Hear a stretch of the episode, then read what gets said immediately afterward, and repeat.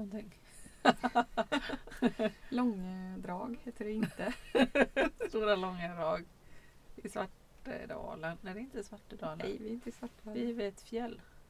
Bredfjället är vi. Ja. Mm. Södra fjället. Jag tänker det på att vi skulle kunna bara säga att vi är i skogen. Men vi är längre ute i skogen än vad vi någonsin har varit vid något sånt här tillfälle tidigare. Mm. Längre från tätort liksom. För det var ju ändå som en väg hit att gå på. Mm. Det var det ju inte vid förra vindskyddet. Då gick vi ju verkligen i skogen Ja, och klättrade i berg. Och så i, på ett sätt så var det lite mer off men det var ändå närmare Ljungskile tätort. Ja, Så att det beror lite här körde vi så långt det gick tills vi kom till en bom. Ja. Och då bara klev ur bilen och gick. Så den står ju bara där på andra sidan bommen. ja. Där står Mm. den säkert Sen är det ju faktiskt eh, älgjaktstider. Mm. Och vi åkte förbi väldigt många älgtorn. Mm. Och då funderar vi lite på varför man får lov att skjuta älgar när man inte får lov att skjuta människor. Eller Precis. att det är så himla olika regler på vilka levande varelser man skjuter på. Och vilka som gör det kanske. Mm. Alltså du vet eh, förra veckan så var vi iväg på en utflykt. Eh, Mm. I eh, Kinna. Ja i alla fall. Så kom vi på en liten liten väg i skogen. Så kom det en sån där eh, skylt, varningsskylt jakt eh, pågår. Mm. Så då eh, var det så här, köra sakta och så stod det ju sådär jättemånga jeepar och såna här eh, som de har, eh, jägarna. Vapen. Vapen och nej, sådana här bilar. Men det är nästan ett slags vapen känns det som. De här bilarna. Ja, fyrhjuls. Såna där ja, jeepar. såna- Sådana höga bilar, stora Eh. bilar man kan köra jättemycket kött i. Så var de Humrar också så typ. många. Nej, vad heter de? Jo, och då tror jag även på den där varnings... Ja, just det, det heter det kanske. Men är inte det, är det samma? Nej, men de är ju också Ja. så här stora höga fyrhjuls. Så hade de ju, då stod det att det var jakthundar då. Så kom, och så kom vi och så var det en sån här elledningsgata som var jättebred och lång. Och då så hade de ställt upp sig så jägarna med liksom höll upp sina gevär så mot den här ledningsgatan. Mm. Och, eh, och sen antar jag att drevet gick då från andra hållet så att eh, älgen skulle komma och så skulle de väl skjuta den så nära bilvägen som möjligt antar jag så det inte skulle Just bli så jobbigt för dem. Men jag blev så illa berörd av det. Mm. Därför att ofta Alltså samtal som handlar om jakt är liksom att ja men de har levt ett så bra liv och det är inte samma sak som att äta annat kött och sådär. Men just den där, alltså du vet den Det är hetsen. ganska stressande Alltså något så moment. fruktansvärt liksom. Det går ju överhuvudtaget inte att komma undan. Och så hundar då. Mm.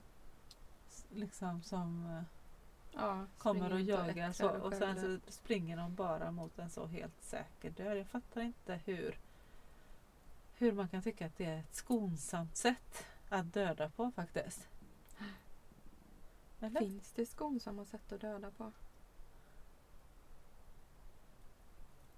Jag tänker att eh, men jag har ju fått slakta lite djur ibland Mm. hemma. Och det har du också slaktat hönor och tuppar va? Mm. Tuppar. Ja. Och då tänker jag att det skonsamma handlar om att göra det väldigt snabbt Mm. och eh, i deras vanliga miljö. Mm. Det känns ju som en annan grej tänker jag. Om de sitter i ett sånt där elittorn och så sitter där från jättetidigt på morgonen och bara spanar, du vet. Och så kommer en älg gående där på vägen och betar lite och så. Mm. Men jag tror inte det går till så. Det är nog ganska ovanligt att det går till så. Jag Utan det är nog den här. Jag har jättedålig insyn i hur det går till med jakt. För jag vet att då när de har De har ju jakt på våran mark.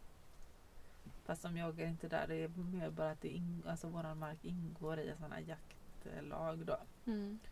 Och det handlar väl om att de ska få en viss kvot då att skjuta liksom. Men där har de, där, där eh, på de markerna har de ju drev också. Mm. Och så är Ja, det för det är ju en annan sak. Eh, Det vet man ju att älgar har blivit hetsade och springa ut över stup och så. mm. bryta sig. Då är det ju liksom en ganska så...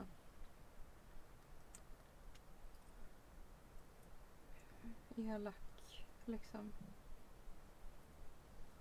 Ja, det är skillnad mot den, den här romantiska synen av eh, jakt som man har. Att någon sitter i ett sånt Mm. torn och dricker kaffe och myser och solen går upp och det är disigt och vackert. Och Och så så kommer, kommer en älg och den är lycklig och den äter signalerar så, liksom. Den så säger den så här. Död. Och så har den Jag varit är väldigt redo. skonsam. Den säger så här till jägaren. Jag är redo. Nej, det säger den inte. den bara, nu, ta mig bara till nästa fas. Ja. Nej, så går det inte till Julia. Tror du inte det? Nej, jag tror inte det. Men har du, eh, har du haft mycket husdjur? Ja, det har jag ju. Jag hade ju jättemycket djur när jag var liten. Det är egentligen de här sista 12 åren med ett allergiskt barn som har gjort att jag inte har några djur just nu. Ja. Ja, som vuxen har jag vägrat burdjur. Jag, jag, jag vill inte att barnen ska ha djur som bor i bur. Så katter är egentligen enda alternativet.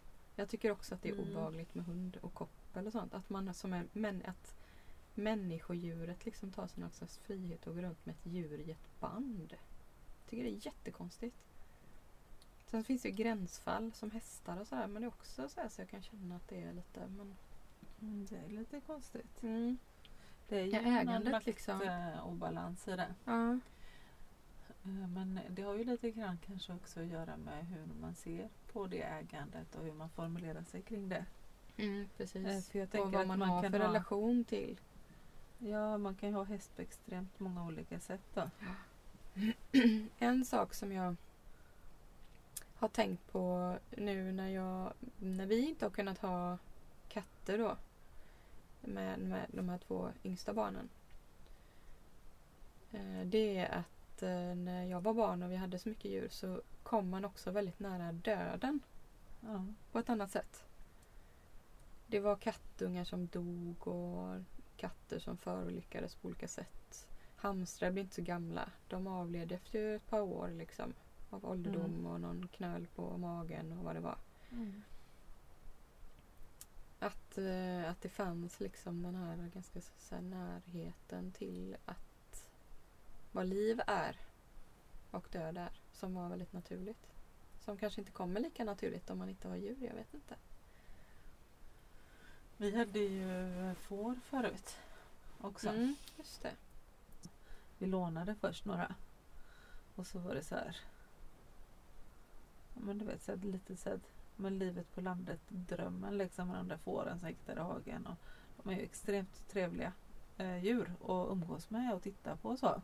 De är så vackra. Mm. Men liksom så var det så här, snabbt hur vi bara kom in i den här svängen med liksom att ha får. Mm. Och då är det liksom så här. Varje höst så ska man skaffa en bagge. Och så man ska klippa dem två gånger om året. Mm. Och så ska man då eh, bestämma, liksom, ja, bestämma till exempel så här, vilken bagge ska de här tackorna ha? Bara den saken. Mm. Och sen eh, så det som var mest fantastiskt tyckte jag var ju på våren när lammen kom. Att vara med och, vid lamningen och att få vara så här barnmorska och så. Mm. Det är så otroligt stort att vara med när, liksom, när någonting föds. Ja. Så det var väl nästan kanske lite beroendeframkallande på ett sätt att vara med om det varje vår. Mm. Men sen det sjuka i det var ju då att, för jag menar vi räddade ju livet på massa lamm på massa olika sätt och så. Man fick gå in och vända dem i livmodern ibland och göra olika saker för att de skulle överleva och det betydde ju allt i den stunden. Mm. Och du vet vi kunde vara uppe, i alla fall så här var tredje timme var ju vi uppe och kollade under lamningen ifall något hände. Och så på hösten detta med att då skulle man välja vilka lamm som skulle få leva och vilka som skulle slaktas. Mm. Och så körde vi dem ju då till slakteriet där i Varekil. Och vi tyckte liksom att vi gjorde så mycket vi kunde för att de skulle ha, ha det värdigt när de Mm. levde och när de skulle dö. Men sen så liksom, ju längre tiden gick så kände jag bara till slut att så här, att vara den här böden, den här som Ja. bestämmer över liv och död. Mm. Det var som att det bara tog kraften ur mig. Ja.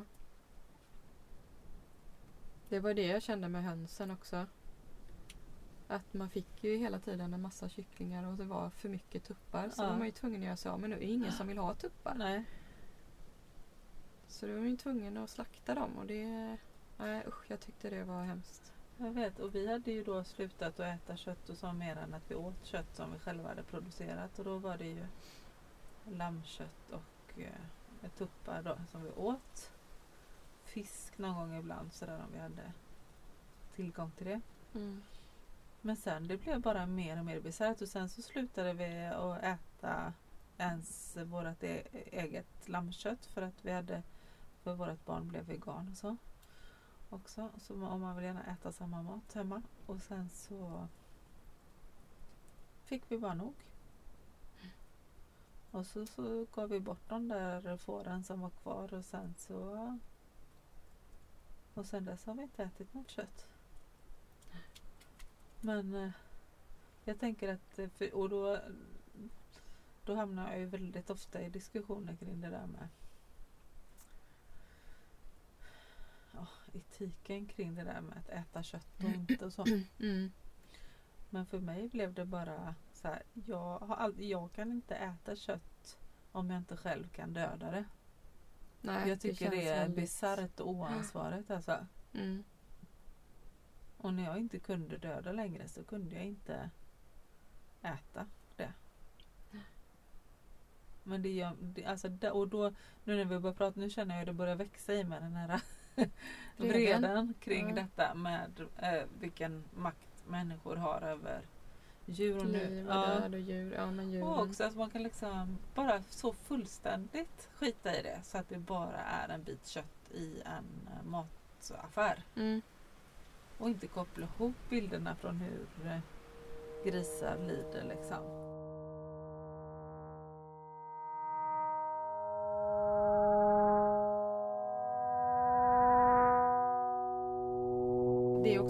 Svårt att ta korrekta beslut Mm. hur, hur liksom konsekvent man än vill vara. Så är det jättesvårt. Det är Mm. också som du det här understället jag köpte nu. Mm. Eh, när jag inte vill köpa i syntetiska material för att jag inte vill bidra till de här mikroplasterna i naturen. Mm. Så försöker jag nu att köpa bara eh, naturmaterial på kläder. Och så tål jag inte ull eh, så himla bra. Så jag är tvungen att köpa någon typ av uppblandning. Eh, så då köpte jag ull, silke. Och så vet jag ju hur uppfödningen av silkespupporna, eller, eller hur, snarare hur de dödar eh, den stackars Larven larven där i. Alltså de, för att få tag i silkestråden så måste de ju koka dem levande. Eller liksom, Mm. och sen så kan de ju vira upp och få den här långa fina tråden som de kan väva med. Så det är ju också ett jäkla dödande Mm. för att få det här silket. Men också så här att synen på insikterna är väl kanske för jag tänker det är samma, era bin bor ju hemma hos oss. Ja, det är också så. Ja. Där aborterar man ju faktiskt eh, bin hela tiden. Ja. Drönarbin. Ja. Eh, Dels för att komma till rätta med ett kvalster som heter varroa som, som annars kan döda hela bisamhället. För de lägger sig bara i, eh, i de cellerna som är drönarceller för att de tar de här större cellerna. Så då har man en speciell drönarram där bina får bygga själv och då gör de de här lite större cellerna så då blir det liksom bara drönar eh, i den, ja. i den ramen.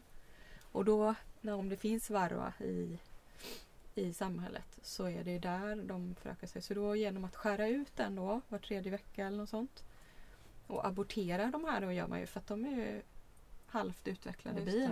Ja. som är liksom förpuppade. Just Så det, det får man man både undan i först bara och sen. Ja, Ja. ägget är ju först som en liten dutt och sen så blir det, matar ju, eller blir det en larv som bina matar och sen så bygger de igen när, de, när den är tillräckligt stor och sen så utvecklas den till ett bi där inne och så kommer den ut sen efter ett tag. Men då tar man ju bort och då blir man ju Dels så räddar man ju hela samhället på ett sätt från Mm. att få det här kvalster, kvalstret som kan ta död på dem allihopa. Men också för att få färre drönare. Man vill inte ha drönare i samhället. Ja, men jag de menar, gör ju ingenting. Ganska de många drönare överlever väl ändå? Eller vart kommer de ifrån då? Ja, en del drönare blir det ju ändå. Eh, Ja, ofta bygger de ju ut eh, lite större celler ute i utkanten på eh, varje ram och sådär. Så ibland kan det bli lite andra drönare. Och så några blir det men oftast så försöker man hålla det till att inte finnas så mycket drönare Ja, alls. framförallt detta att eh, man går in och manipulerar. Också. Alltså man, alltså det är ju detta som är med att ha djur. Mm, Att man ser till att de här djuren finns och lever och blir födda och så. mm, Eh, Och helst om man då håller på med någon sorts eh, rasbiologi som vi ju ja, gör. det är ju helt vansinnigt. Så eh, är man ju också... Ja, men speciellt som med höns. Ja, ja. Höns och... Men jag, har ju bara sådana djur som är eh, lant, eh, lantraser. Då. ja. Och, det, och det, ja, det där är Så är det ju med bina också. Olika raser som man Mm. helst inte ska blanda och så. Men det har nog vi aldrig varit helt noga med. Vi har någon italiensk sort. Men det går ju inte att styra vart drottningen drar ju iväg och parar sig liksom. Det kan ju Mm. komma ett bi från de har ju sina parningsställen. Vart Och parar kommer- de sig? Ja, de drar iväg någonstans och så finns det liksom, jag vet inte ens hur de klarar av det. Det är som att det finns vissa ställen där de helt enkelt de bara vet att det är dit de ska. Och så Nähä. blir de parade av Men drönare. parar de inte sig med sådana som bor på samma ställe som dem? Nej, det behöver de inte göra. De drar iväg till ett parning, en parningsplats och så kommer det liksom drönare dit. Som känner på sig att nu finns det en drottning här i närheten som ska bli parad. ställen. Undrar om det är liksom... Undrar hur de väljer de ställena. Mm. Är- Om det är utifrån doft eller om det är utifrån typ så här.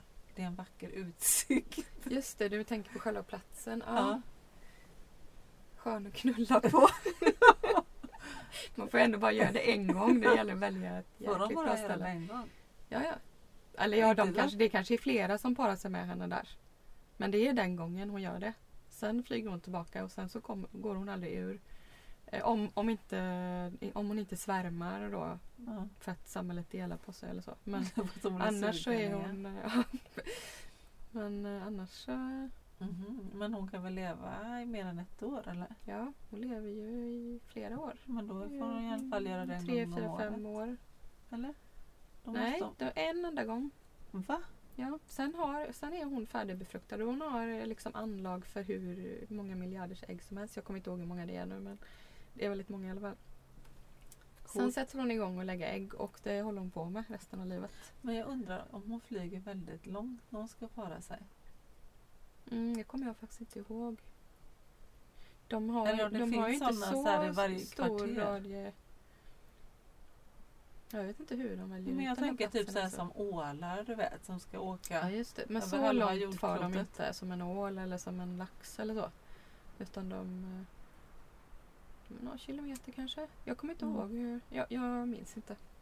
Ja, det är konstigt. Ja, Men jag tänker som med fåren då. De parar sig ändå fritt lite hur de vill och så. Mm. Men ändå så här eh, med hästar. Mm. Det är ju egentligen verkligen så här organiserade våldtäkter ofta. Mm. Att hon inte vill. Ja eller? men du vet, nej det alltså. Att man för ihop dem. Ja men alltså grejen, de, det de ske, måste ju liksom. vara brunstiga för att det ska kunna Mm. hända. Men liksom ofta så kan de, man ju ha så här en hingst. Man har en sån här eh, typ betecknings eh, bock eller någonting. Man har liksom så här som en liten eh, speciell eh, plats liksom för att göra så Men att de som inte en ska skada. konstruktion. Ja, Alltså som någonting de står ja fastbundna men typ, i. ja visst. Nej men fy. Det finns ju alltså, det är ganska få som har, som har fri beteckning att de, att de släpps ut i samma hage då. För många är så rädda om både ston och hingstarna och tänker att de ska skada varandra och så. Sen finns det ju väldigt många förespråkar ju fri beteckning för att det känns mer schysst att ett stort kan gå undan om hon inte vill eller Mm. ja. Det känns ju ganska rimligt. ja. Men eh, de flesta parar dem genom att det är en människa som till och med står där och assisterar och stoppar in den liksom. Nej men fy vad hemskt. Mm. Och det är samma med kor och så, men kor är det ännu oftare egentligen. Men kor ser man ju ganska ofta att de håller på på egen hand. Ute i hagarna. Ja. Fast det kanske inte... Det Det kanske bara över. Det är nog ofta, ofta Det är kan ju nog att även de kor på och grejer på- hoppar ju på varandra. Det är ju Ja. också mycket, kan ju vara makt eller sån här eh, hierarkifördelning och sånt där också. Mm. Eller lek. Vi hade en riesenschnauzer, en hund. Ja, där är ju också verkligen rasgrejer med hundar. Är det Eh, schnauzer? Nej, så är det en schnauzer. Han lyssnar inte på mig. Åh gud. Jag tror jag frågade honom tre gånger. Han var bara intresserad av att tala om hur de hade turnerat eh, mellan Munkedal och sportbutiken. ja. Kungshamn. Men vi ville ju jättegärna få en valp från honom. Mm. Så vi hade ju hem en hona hos oss några gånger. Men han fick inte till det. Han var inte sugen. Han, det var inte hans grej. Så det blev aldrig några valpar med honom. Så jag menar det är ju inte sådär bara att ta för givet att djur vill bara för att de råkar brunsta eller för att de... Nej, nej. Ja, usch vad hemskt. Att de ska matcha också lite. Mm. Ja, de kanske tänker jättemycket på kemin. Så kommer de att bli tvångssammanförd Mm. med någon. Mm. I någon konstruktion också. Alltså i någon slags, är det någon slags Jag ser framför mig någon slags stor uh, Usch, nej det känns inte bra detta. Och sen, eh, men sen är det också lite lurigt tänker jag med hönor och så att det blir, de blir ju liksom inavlade. Mm. Och så vill man inte döda alla tupparna så sparar man en. Och Mm. så på så har man till slut bara väldigt få gener. Ja, I sin Men det, de är inte så känsliga för inavel väl? Nej. Fågeldjur på samma sätt. Men ja men Ja, ändå. Det kan blir väl det. Ja, det är klart det borde bli problematiskt någon gång. Alltså på sikt blir det väl det. Ändå. Nu måste jag bara röra på mig lite och Mm. hämta lite vin här.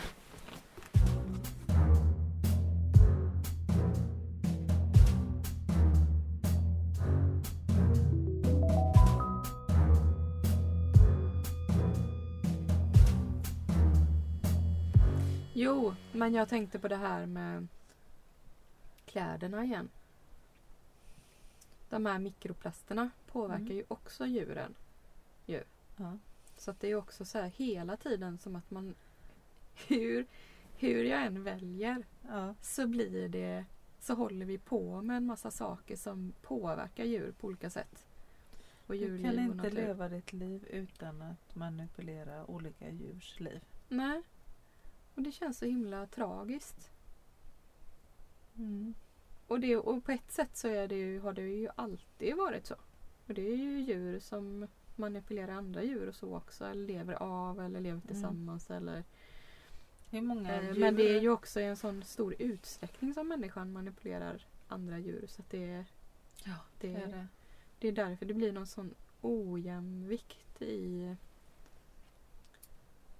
Ja, Men tänk också hur många djur som lever av dig. Ja, det, vi har ju, vi består vi av jättemycket olika kvalster och Ja. Jag tror att så här i huden lever det liksom helt sjukt mycket Mm. olika små djur. de utnyttjar mig hela tiden. Så då kan jag väl så- också utnyttja massa djur. Ja.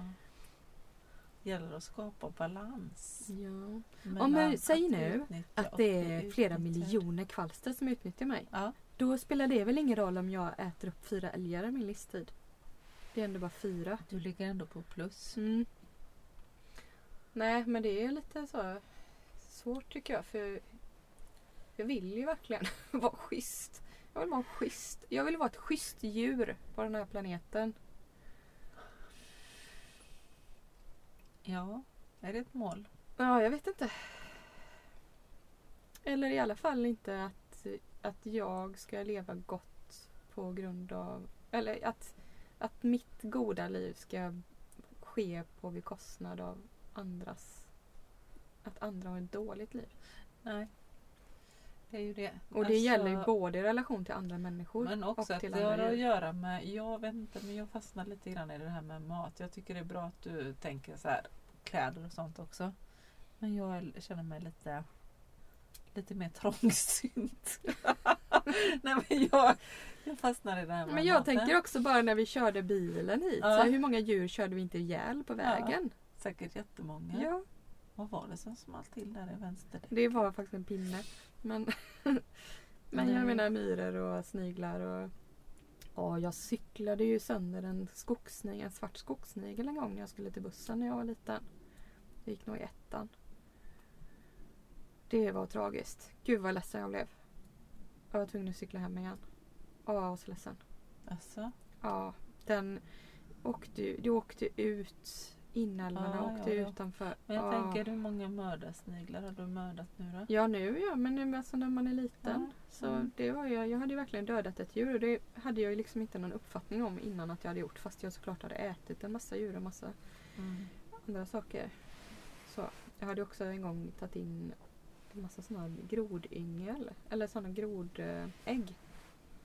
Som jag hade i en låda i mitt rum. Alltså du vet ibland. Så blev de ju små grodor. Ja, som drog iväg plötsligt och det hade inte jag någon koll på så de låg ju döda överallt nej, vet du vad vi hade? Usch vad hemskt. Vi hade också sådana grodyngel. Men de, de fick ju inte plats för de blev ju så många och stora. Mm. Så då flyttade jag in dem i badkaret. men, och då tänkte jag så här, men där kan de ju vara i badkaret liksom. Ja. Men då började de ju hoppa ur badkaret. Och sen hittade man sådana intorkade bebisgrodor Precis, överallt. det var precis samma sak som hände. Ah. För man hade ju ingen koll. Det gick ju på bara...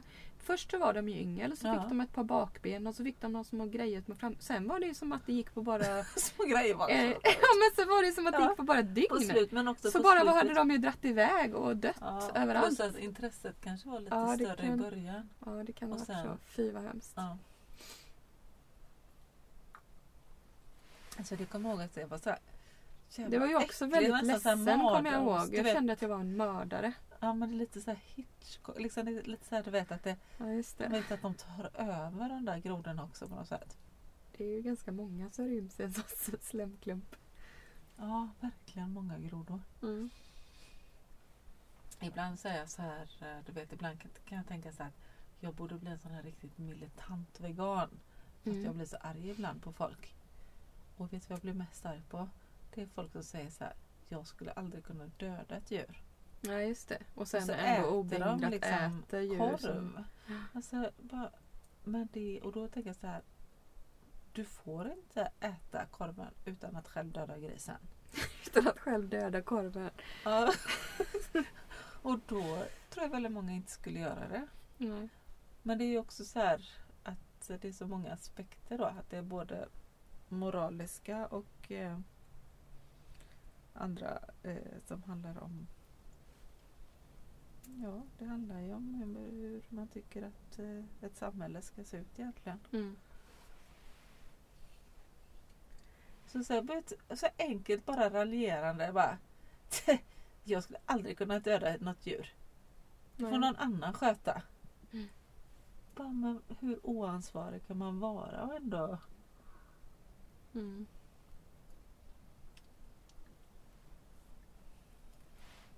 Men det är också olika djur som, som man kan tänka sig att döda då. Eller liksom för det, helt obehindrat smäller man ju ihjäl lite myggor och flugor och myror om de är på fel ställe och sådär.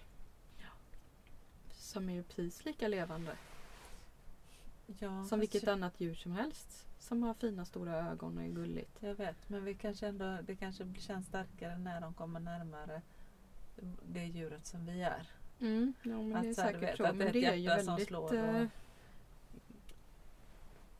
För mig är det jättestor skillnad. Jag, jag vet inte, jag, alltså jag har verkligen inga problem. Du vet just nu den här tiden på året att de, de här riktigt långsamma flugorna som kan vara inne i sovrummet. De som egentligen redan har gått lite i det Ja, och så är växte de upp för att de liksom, man råkar öppna något fönster eller något. De är som är sådär tjocka Mm. och liksom, ja, de är lite för stora för de är så stora att de inte kan flyga längre. Mm. Och så rör de sig och så har de det här ljudet. Precis i ens öra. Mm. Då kan jag bara ta en bok eller något och, Smäller. ja, Mm. och så och sen är jag så himla noga med andra djur. Ja,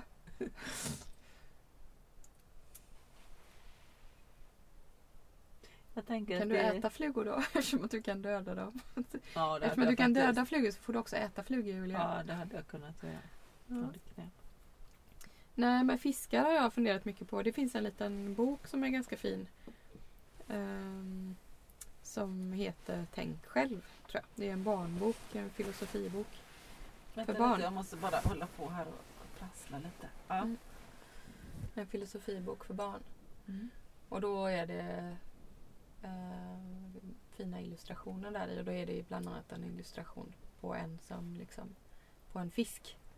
Och så står det Hade du kunnat döda mig om jag kunde skrika? Eller något sånt där står det. Mm. För det är ju väldigt mycket så den där, just den saken har jag jättesvårt för när, när en del säger att de är vegetarianer för att de inte klarar av eh, att, att man dödar djur. Och sen så, ja, fast fisk äter jag. Men då är man ju inte vegetarian. det är Nej, mer en språkproblematik. Ja, det, ja men språk och eh, tankekullerbytta. Mm. Ja, det är faktiskt väldigt konstigt att värdera det så olika mot Mm. att äta kanin Men det är som att det är för att de inte är söta då. de Eller? inte har päls eller att de inte är torra bakom öronen. Ja men det, för det är ju egentligen samma sak som de som... Man kan inte äta, tänka sig att äta en katt men Mm. däremot går det bra att äta gris. Det är också så här beroende av vilka djur som Mm. vi tycker är söta. Alltså, så du kommer inte ha någon hund? Nej, jag... Nej. Jag skulle inte vilja ha hund. Vi har ju haft hund hela min uppväxt och då har ju de varit väldigt fria hundar om man säger så. De har aldrig varit så hundar man går ut med i koppel utan de har löpt runt lite på egen hand och kommit in och, och så. Men eh, så kan man ju inte ha det heller. Nej, jag skulle inte vilja ha hund. Jag tycker inte att de är så roliga. Jag tycker, bä- jag tycker bättre om katters, katter på något sätt. Alltså relationen som man får med en katt tycker jag bättre om. Jag, jag har haft jättefin relation med mina hundar men det är inte... Det är någonting i den här maktobalansen. Mm. Jag tycker att det är en större maktobalans mellan hund och ägare än vad det är med katt och ägare.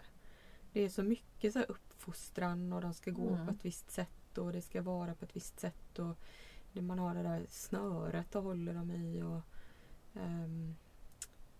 och De är inne när man bestämmer att de ska vara inne. De är ute när man bestämmer att de ska ut. Alltså det är väldigt...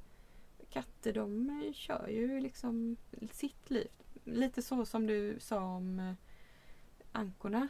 Mm. Att de kör ju sitt parallella liv liksom. Mm. Duger det inte för dem så drar de ju. Oftast så tycker de att det är rätt gött att bo ihop med människor. Mm. Men de håller inte på att ställa sig in och gossar om de inte vill och så. Kanske inte heller.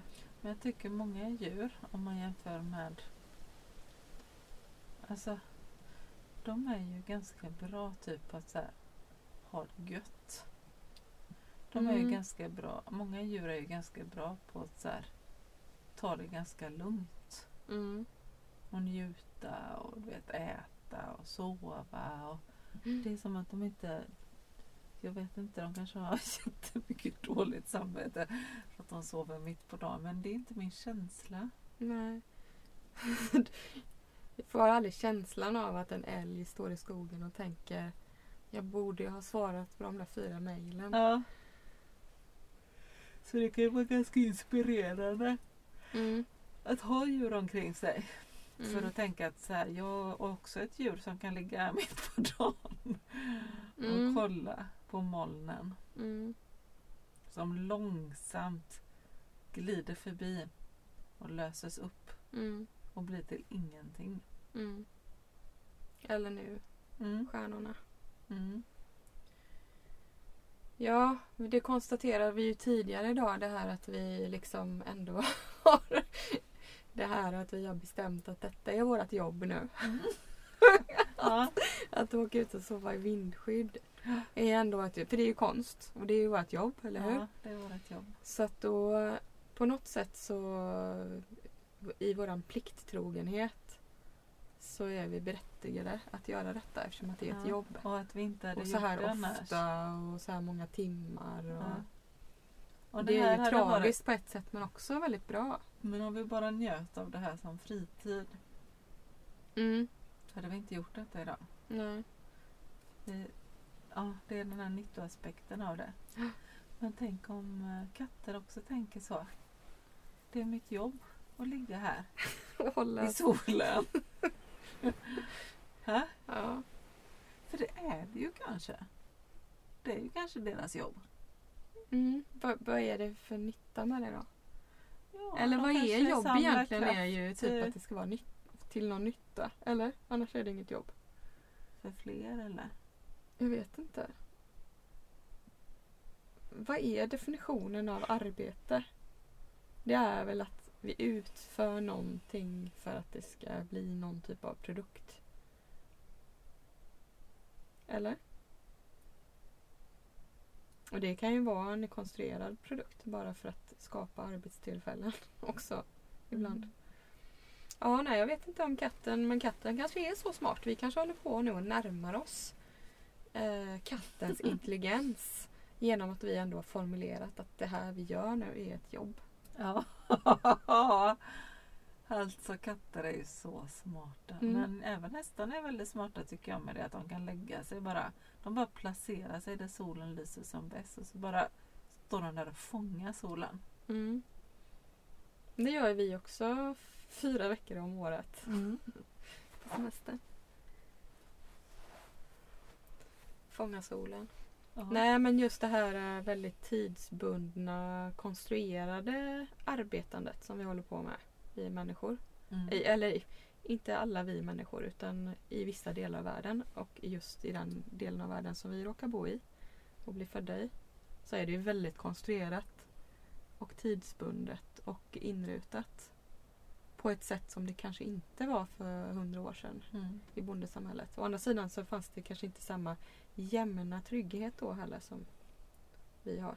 Vi har ändå ordnat oss en ganska jämn trygghet i det här arbetssystemet. Liksom. Ja precis. Men det har ju katten också gjort. Mm. När den har flyttat in där hos människorna. Ja, ja. De är, tänk, tänk om jag bara hade kunnat få vara en katt. Mm. Flytta in någonstans. Och så. Fast det är ju, katter har det ju skitdåligt ibland också. Tänk att råka bli en katt hos en sån eh, som har 18 katter i en lägenhet. Men tänk att bli en raskatt då, som ska åka på utställningar varje helg. Ja. Och bli Och någon som håller upp svansen så här. Håll svansen så här. Ja, den är inte passat för mig så bra faktiskt. Det jobbet vill jag inte ha som katt. Nej. Jag vill inte Finns det något djur som inte har sådana? Jag vill inte heller ha det här jobbet som katt. Fånga möss. Fast om du var katt kanske hade du gillat det jättemycket. De verkar ju verkligen njuta Alltså- av musfångandet. Jag tror att om, om det är så här att, att man kan leva flera liv och bli reinkarnerad och så. Mm. Då tror jag inte att jag har varit en katt eller kommer bli en katt. Med tanke på det här med mössen. Nej. Vad tänker du då? Nej men jag har ju sån musfobi vet Jaha, du. har du? Det kände jag inte till. Herregud. Hur kan de missat detta? det har jag missat. Men ändå så tänker jag så här. På djuren då och den förspillda vreden. Mm. Eh, jag vet inte. Det finns ju så många olika då, delar kring Alltså djur, det är ju väldigt, väldigt brett att prata om djur så här generellt eftersom vi pratar om så många olika slags arter och Mm. vi pratar väl också egentligen så här lite generellt om att vi utgår från att människan utnyttjar djur. Ja men det är ju just de sakerna som vi eh, hamnar i när Mm. vi pratar om det i, utifrån vredes temat tänker jag. Mm, Annars men upplever du- Upplever du den vreden om du uttrycker då dina ståndpunkter eller känslor eller eh, så kring detta? Upplever du då den vreden som förspilld? Jag tycker faktiskt att jag väldigt sällan hamnar i några dispyter med andra människor kring i djur... Eh, alltså... Jag känner vrede mot hur vi behandlar djuren. Men det är väldigt sällan som jag hamnar i ett läge av argumentation med någon kring detta. Utan det är mer att jag... Att det är någonting som... En vetskap jag har som nöter på mig. Och som jag försöker göra någonting åt genom att konsumera på ett annorlunda sätt. Eller att tänka mig för. Eller att göra olika val. Men jag blir ju... Så det är sällan som jag upplever att det konfronteras. Eller att de här ämnena kommer upp och blir konfronterade i olika sammanhang. Inte alls på samma sätt som till exempel när vi pratar om könsmaktsordning eller eh, så. Eller miljöpåverkan eller så, så tycker jag inte att jag... Jag tycker att Det är det med människor som kan bli väldigt förnärmade av att de Ja. inte får kött till exempel. Då kan jag ju bli lite som en... Hallå? Jag är ju lite, du vet, eh, grov ibland i munnen. Du menar, du menar när du, när du säger... Nej, jag, jag kan Nej, inte ens inte. ta de orden i min Nej. mun. Nej. Men Ja. jag kan ju vara lite sådär, jag, jag kan ju tycka att det är så här, ibland så kan jag njuta av att uttrycka min åsikt. Mm. Och då, och då kan jag inte låta bli så här om, om jag sitter i ett lunchrum eller så att liksom fråga människor så här kring vad de äter och också så här, typ bara, alltså helt enkelt så här. Ibland kan jag bara säga vad de äter. Mm. Till exempel så här. eh, Jaha, uh, äter du den grisen? Och, eh, får, känner du att du får mycket energi nu av den här döda eh, eh, delen där som du äter? Eller, vet, jag, kan, alltså jag kan ändå vara, inte riktigt, jag är nog inte riktigt så, men jag kan ändå säga så här. Jaha, ska du äta gris nu eller ska du äta kalv? Eller? Mm. och det räcker. Det är en provokation att jag bara säger vad det är de äter. Mm. Och då då, blir det ju en, då uppstår det någon sorts krock. Men samtidigt kan jag känna att den att det inte att jag gör så eftersom det i botten hos mig ligger det naturligtvis en frustration och så. Men jag känner inte att det är förspilt så ofta när jag uttrycker det. Eh, även om jag då liksom ifrågasätter en norm i samhället eller så. Därför att jag märker ju så tydliga resultat av det. Mm. Att jag vet att det är flera stycken om mitt jobb till exempel som har börjat äta mer så här vegetariskt flera gånger i veckan och så. Mm. Just på grund av de här diskussionerna som, som, som vi skapar tillsammans då. Det är ändå en ganska enkel förändring för människan. Mm. Att sluta äta kött. Det finns ju verkligen. Det är ju inte... Vi står ju inte och faller på det. Nej men också så här att det är mycket svårare att komma med, med ett så här försvar som håller tror jag än om vi pratar om För jag tänker så här eh, om jag säger så här varför ät, eller hur känns det nu när du ska äta den grisen? Då kan ju inte du, då är det inte så lätt för dig att säga bara det är inte gris. För vi vet ju båda att det är, är gris Mm. och vi ser den på tallriken och så. Men om vi pratar om, eh, om andra, om, om könsmaktsordningen och den typen av eh, om jag då ifrågasätter så här, varför behandlar du den personen så eller? Så är det oftast mycket mer utrymme för tolkning. Mm. Mm.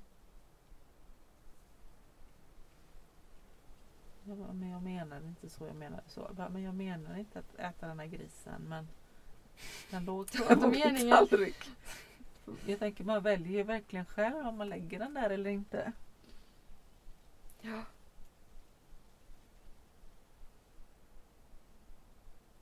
Samtidigt så, jag vet inte, samtidigt så kan jag uppleva ibland att det är ganska snobbig. Jag, jag kan ju vara ganska snobbig i det på ett sätt eller det menar jag kan ju unna mig detta då. Att ha åsikter om detta och Mm. För att jag tillhör någon viss eh, samhällsgrupp eller Mm. har haft möjlighet att eh, liksom välja vilken mat jag äter och så. Mm.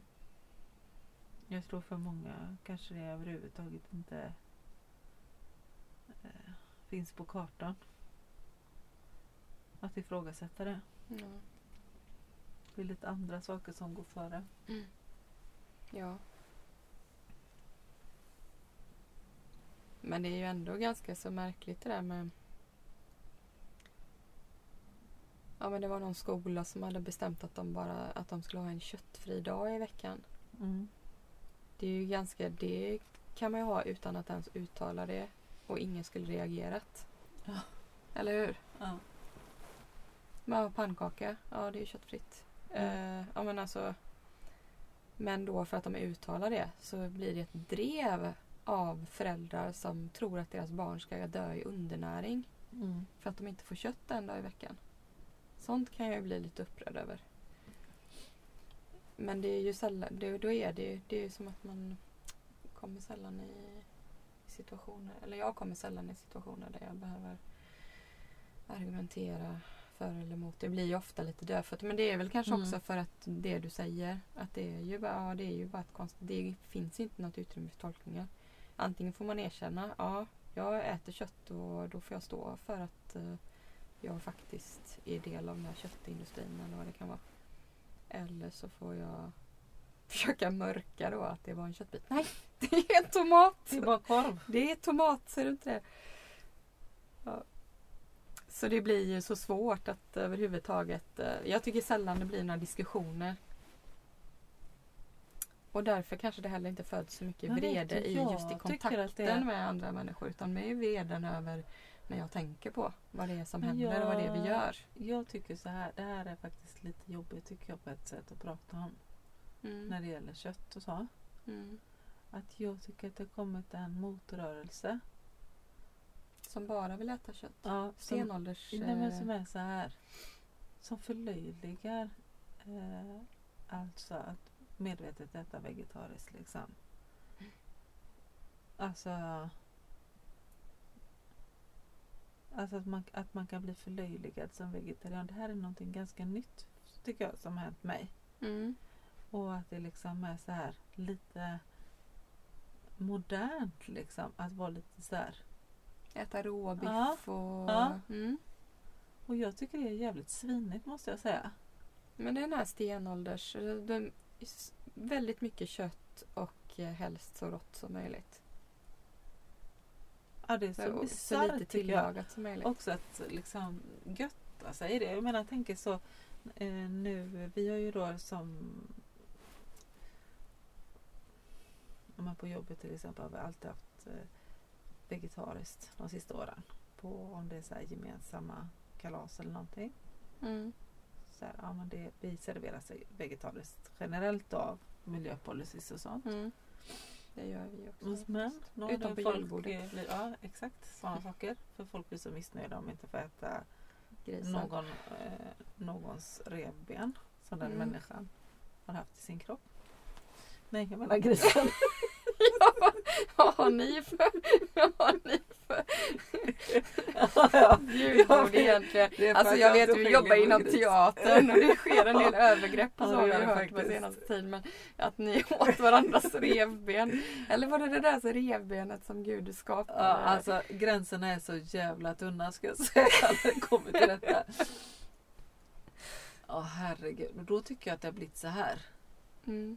Som nästan en protest mot den här vegetarianismen. Att så här, bara, jag tänker äta kött. För Mm. det tycker jag är gött. Mm. Eh, liksom någon sorts ego, lite så här, som en provokation nästan.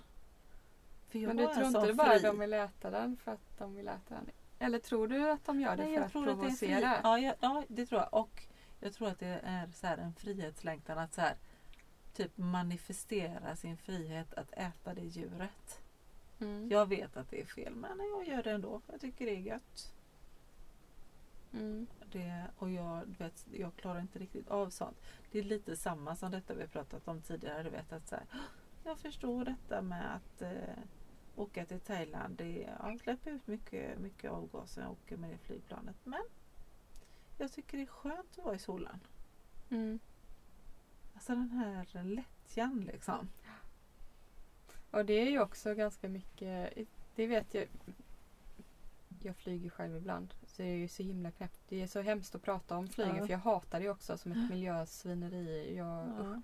Men eh, det, är- det är också intressant tycker jag när människor säger så här, men jag är vegetarian. Så då tycker jag att jag har rätt att flyga istället. Så här, som någon slags så här, det blir lite som så miljökompensation, alltså avlats... Och att, man köpa själv ska avgöra det då. Den att, ja, och vem och hur mycket. Ja.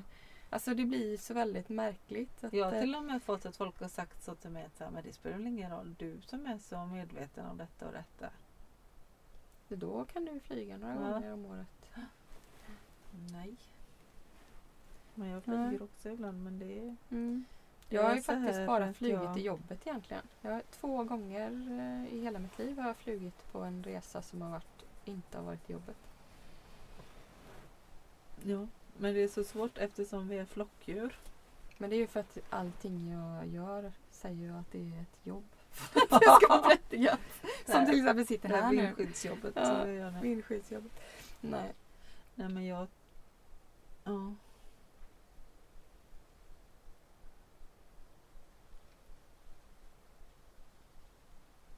Alltså... Det här Nej, frihet. fyra gånger har jag faktiskt flugit utan Ja. att varit jobbet. Kommer jag på nu. Jag var ju i Grekland och Italien en gång också. Som inte var jobbet.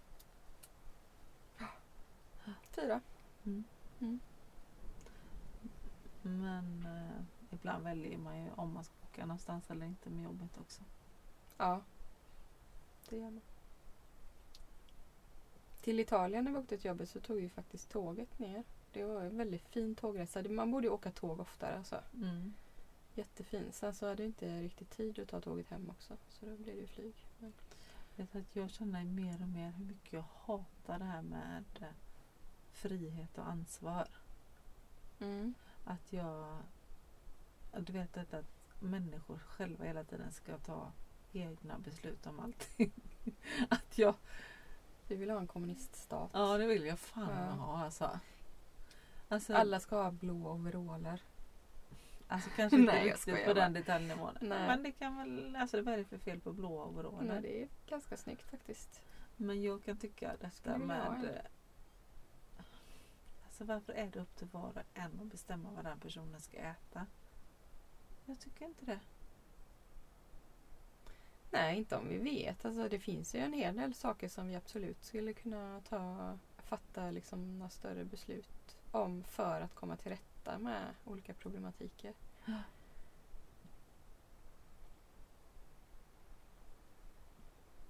Men kött, frågan är om det kommer... Jag tänker på det här... eh, Det utvecklas ju väldigt mycket nu kring eh, odlat kött. Alltså Mm. kött som, inte är, som är levande fast det inte är ett levande djur.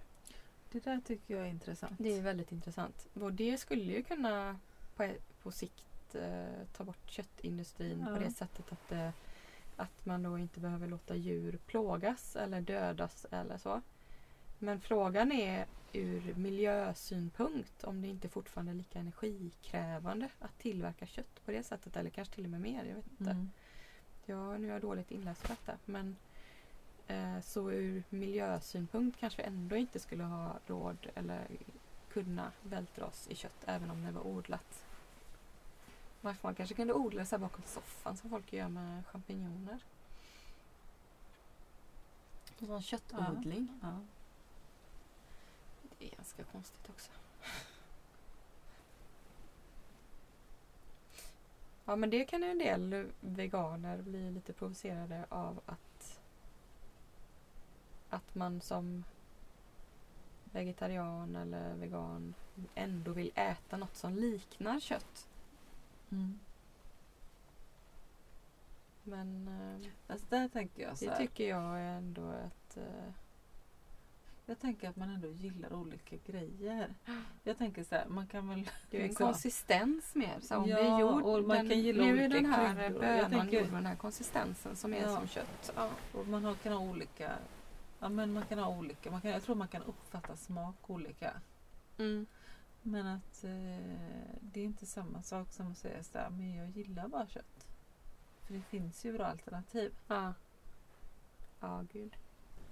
Vad mörkt det blev. Ja. Värmeljuset slocknar så är det bara en... Vad det löser upp mycket. Det lilla värmeljuset. Och så är det bara en sån liten, liten glöd på. stjärnhimlen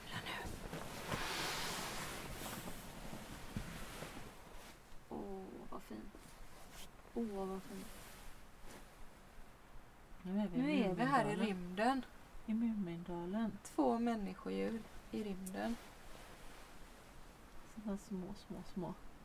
Vi är inte ens prickar. Nej, vi är inte ens prickar. Och så bänder vi liksom. Vi bänder i oss. Vi bänder i våra tankar liksom och våran syn på samhället liksom. Fast egentligen Fast vill vi bara en helt katt obetydliga. Egentligen- Egentligen vill vi bara vara en katt. som vilar sig i solen. Ja. Som jobbar med att sova i vindskydd. Tänk om man hade det som ett 7 till 4 jobb. Men det skulle man ju tröttna på till slut alltså. Så, åh, behöva gå upp det här vindskyddet. Det var fascinerande detta alltså. När ljuset slocknade. Ja men vad fint det blev nu. De här lagren av Och det granar. blåa. Alltså den här eh, blå himlen är ju verkligen djupt, djupt, djupt blåaktig. Och så de här eh, silhuetterna av granar. Och allt som det här gråa som är mellan granarna. Det är som en dimma. Det är väldigt vackert.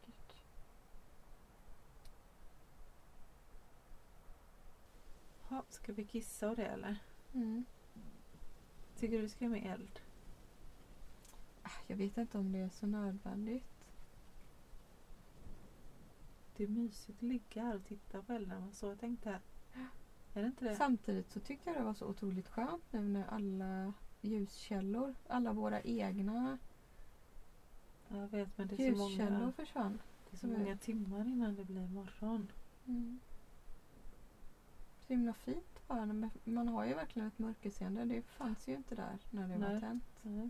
Bara, ett, bara en liten ett litet värmeljus gjorde ju att vi inte såg detta. Mm.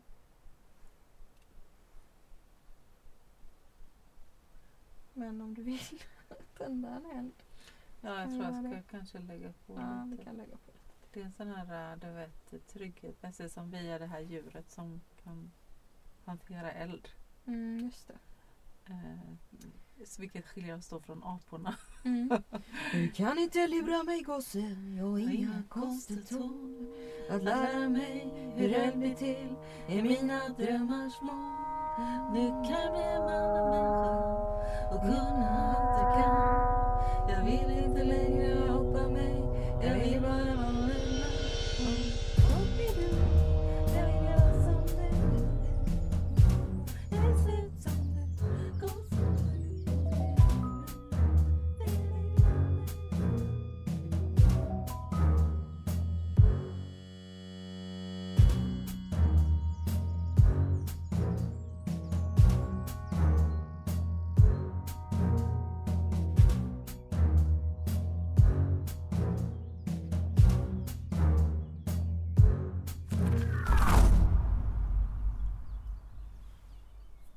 morgon Julia. God morgon.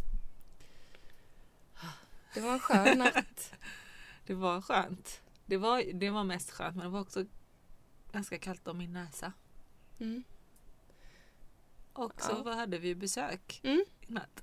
3.30 väcktes vi av. Då vaknade jag och trodde att vi hade en grävling under vindskyddet och låg vaken en lång stund och tänkte att ska jag bara ignorera den eller hur ska jag göra? Och till slut så tände jag ficklampan. Och då Och var det en skogsmus. Då var det en, skog, en stor skogsmus. Ja. Det var mer som en skogsråtta. ja. Nej, så stor var den inte. Råtta tänker jag snäppet större. Men så här stor var den ju. Det är Mm. typ eh, en ganska stor skogsmus. 10-15 centimeter kanske. Ja. Och den satt ju på våran stekpanna. Och åt pannkakor. och var jättefin. Ja, det var tvungen att väcka det. Mm. Och, eh, så titta, och den Så, blev inte den rädd blev- för nej, Den var ju ficklampan. så himla lugn. Ja, Den bara sket i oss. ja, Den åt pannkaka. Det var viktigare än allt annat. ja, det var det verkligen. Den var så nöjd med den pannkakan. Mm. Alltså den, och den, så det pågick ju en stund. Mm. Men sen var vi tvungna att hålla på. Då var vi tvungna att gå upp och kissa och, Mm.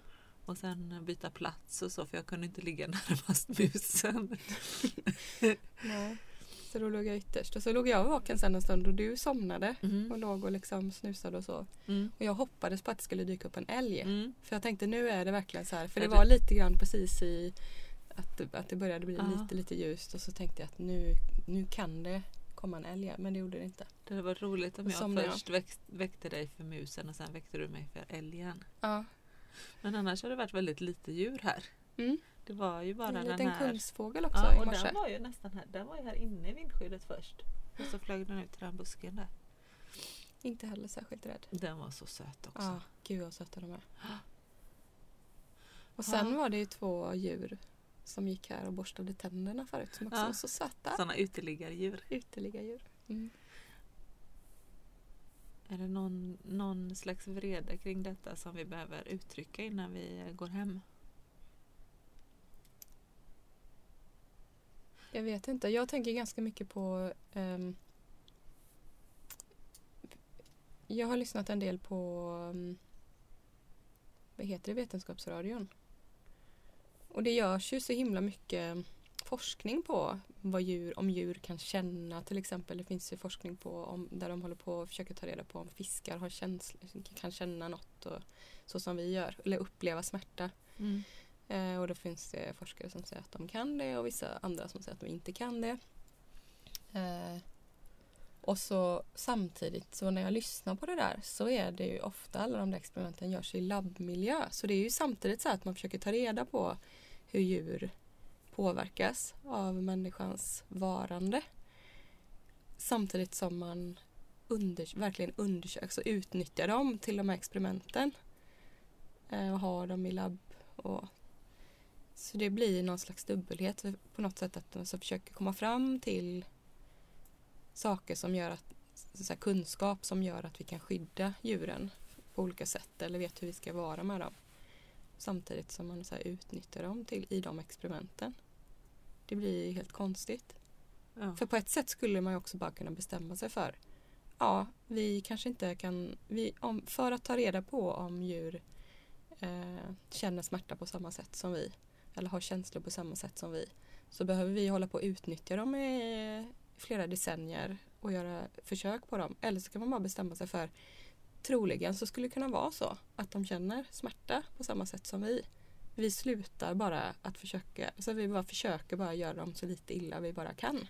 Vi Exakt. slutar med alla de här sakerna. att Som, menar, istället för så här, ja nu vill vi nog veta så här, nej nu verkar det som fiskar har ingen hjärnbalk.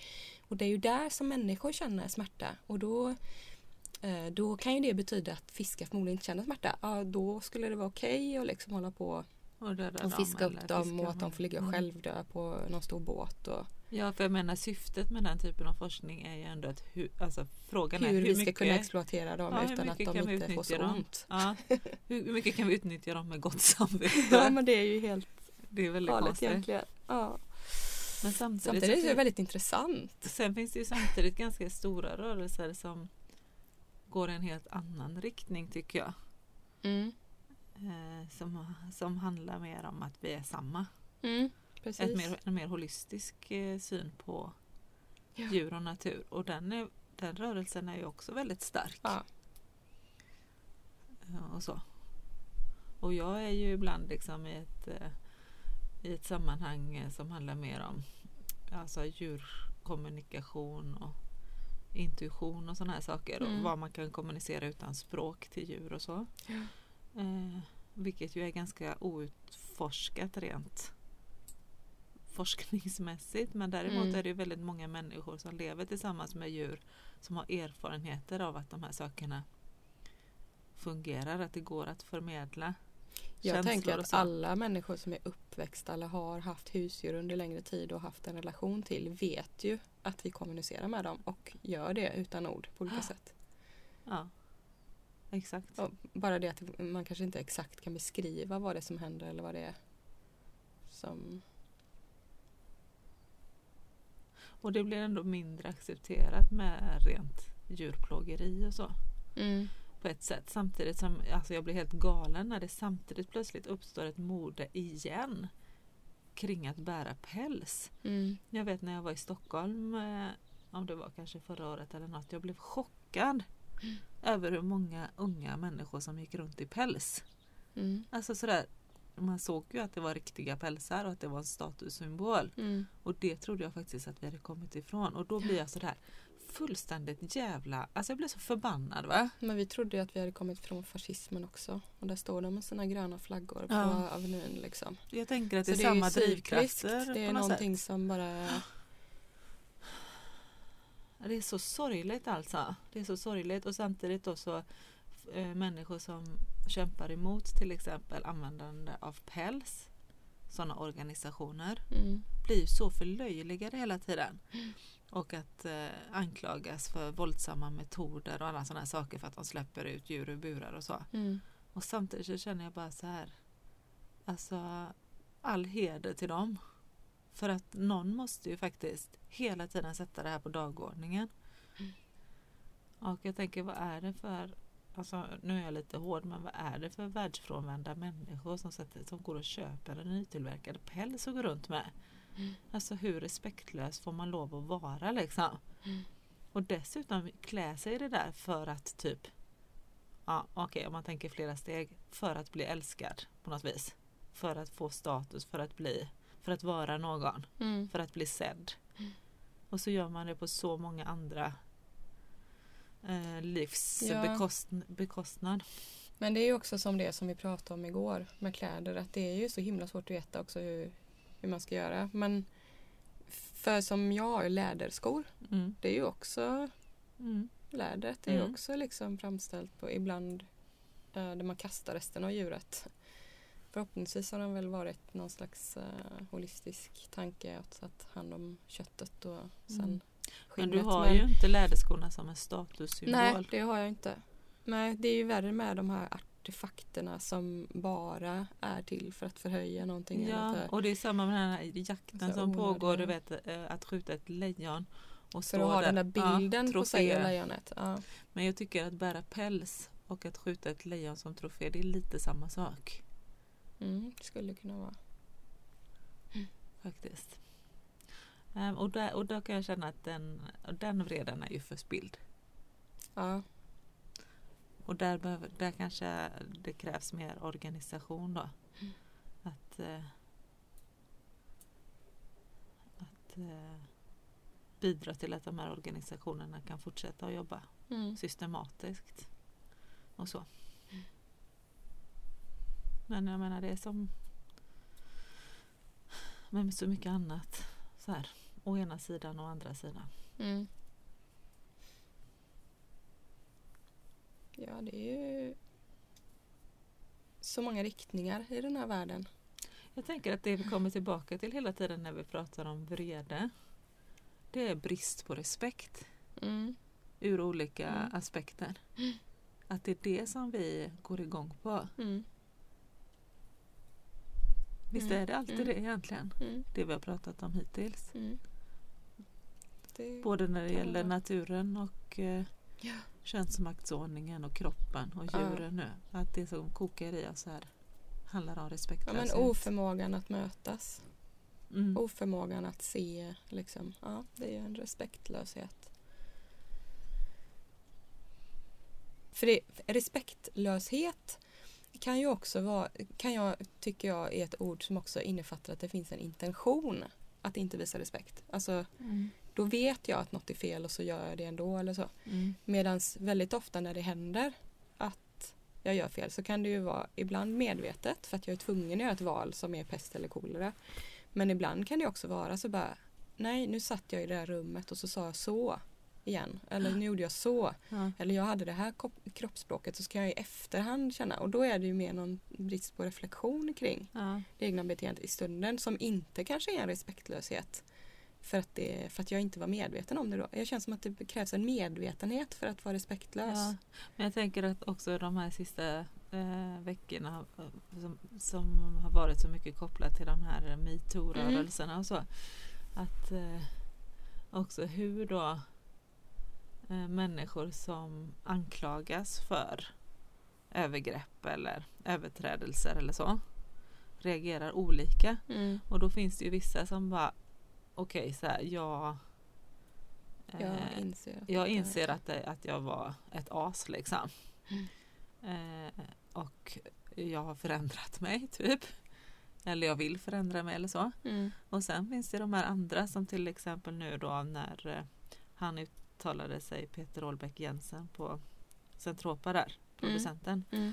Och bara ja, det är sån här jag är. Det är min natur säger han. Ja, just det. Jag tänker inte sluta och nypa mina anställda i rumpan eller så va. Mm. Och då känner man bara att Du kanske eh, inte ska ha fler anställda. Men också så här hur Nej exakt, det kanske inte är så många som vill samarbeta med dig längre. Hur eh, respekt, alltså på vilken skala, hur Ja, respektlös får man vara? respektlöshet. Ja. Liksom. Att veta så här, jag beter mig som ett svin. Ja. Det tycker jag att ni bara ska respektera mig just- för. ja men det är samma som så här, jag skjuter det här sista lejonet i eh, Tanzania. Mm. Eh, Därför att jag känner att det Jag vill ha den bilden på mig. Ja, liksom, jag känner bara att det är många andra som har skjutit lejon förut och jag eh, får en kick utav det. Jag får en kick av att nypa de här i rumpan, jag får en kick av att skjuta lejonet eller att eh, ä- eller att ta på mig den här eh, vidriga pälsen eller vad det nu är. Liksom. Mm. Och då är det som att då är det berättigat att att faktiskt döda Mm. till och med. Och då finns det en respektlöshet. Och de andra är snarare en brist på reflektion. Eller en brist på... Är det empati? Empatibrist? Nej, kan det vara det? Ja det är det. Att man, för empati handlar ju om att sätta sig in i någon annans känslor. Mm. Så det måste ju kunna vara någon slags empatibrist då. Och Ja. den har, bär man ju på själv ibland också då i vissa situationer. Och då tänker jag som med djuren som inte har ett talat språk som vi.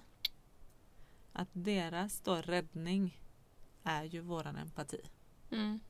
För annars så eh, Annars så har de ju inte så stor chans om vi inte känner empati för dem. Nej.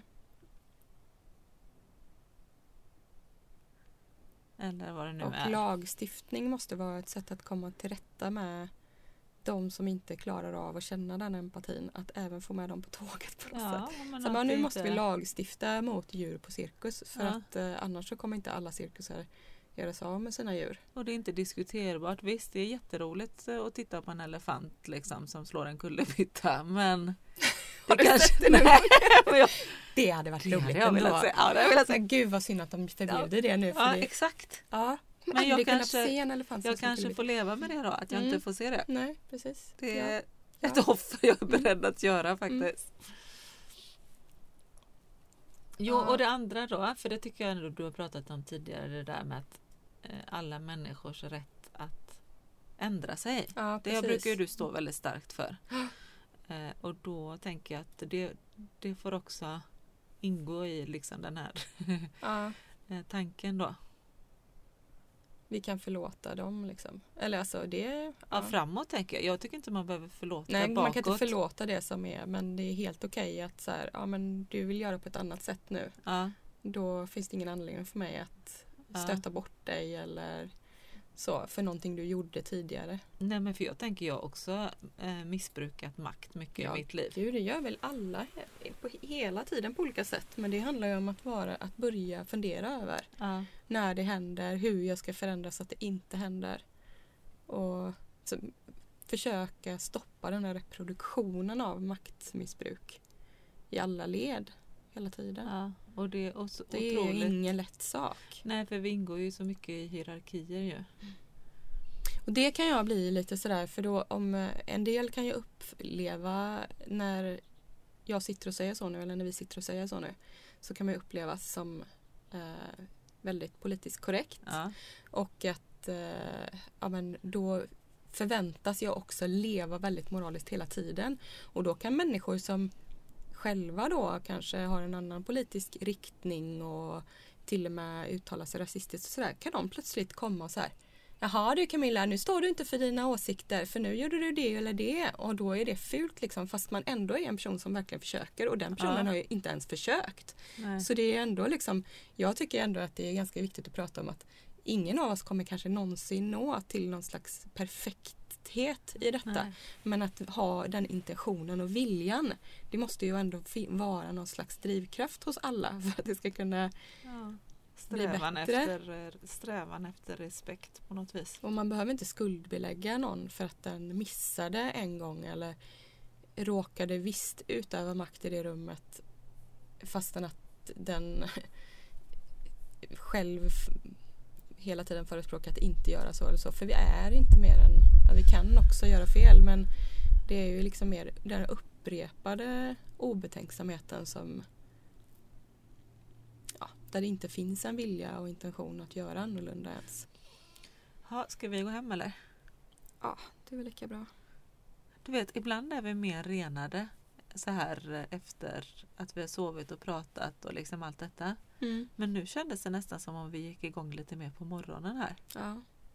Vi kom ju när det var så mörkt också. Det var Ja. som att vi kom hit till ett stort svart hål och visste inte nästan hur det såg ut runt omkring. Så det var ju så här aldrig upptäcktsfärden i morse. Bara, "Ha, här är det en björkskog och oj vad fint. Och så här ser sjön ut. Jag tänker ändå att vi kanske ska försöka lämna liksom vreden. Vet du, jag ska ta ett kort på det här klottret innan vi går också. Ja. Jag gillar tjejer, står det. Ja. det kan vara gulligt. Jag tycker du vågar vi den här.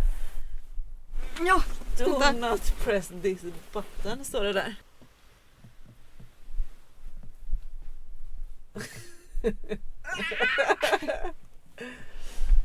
hände ingenting. Inte än.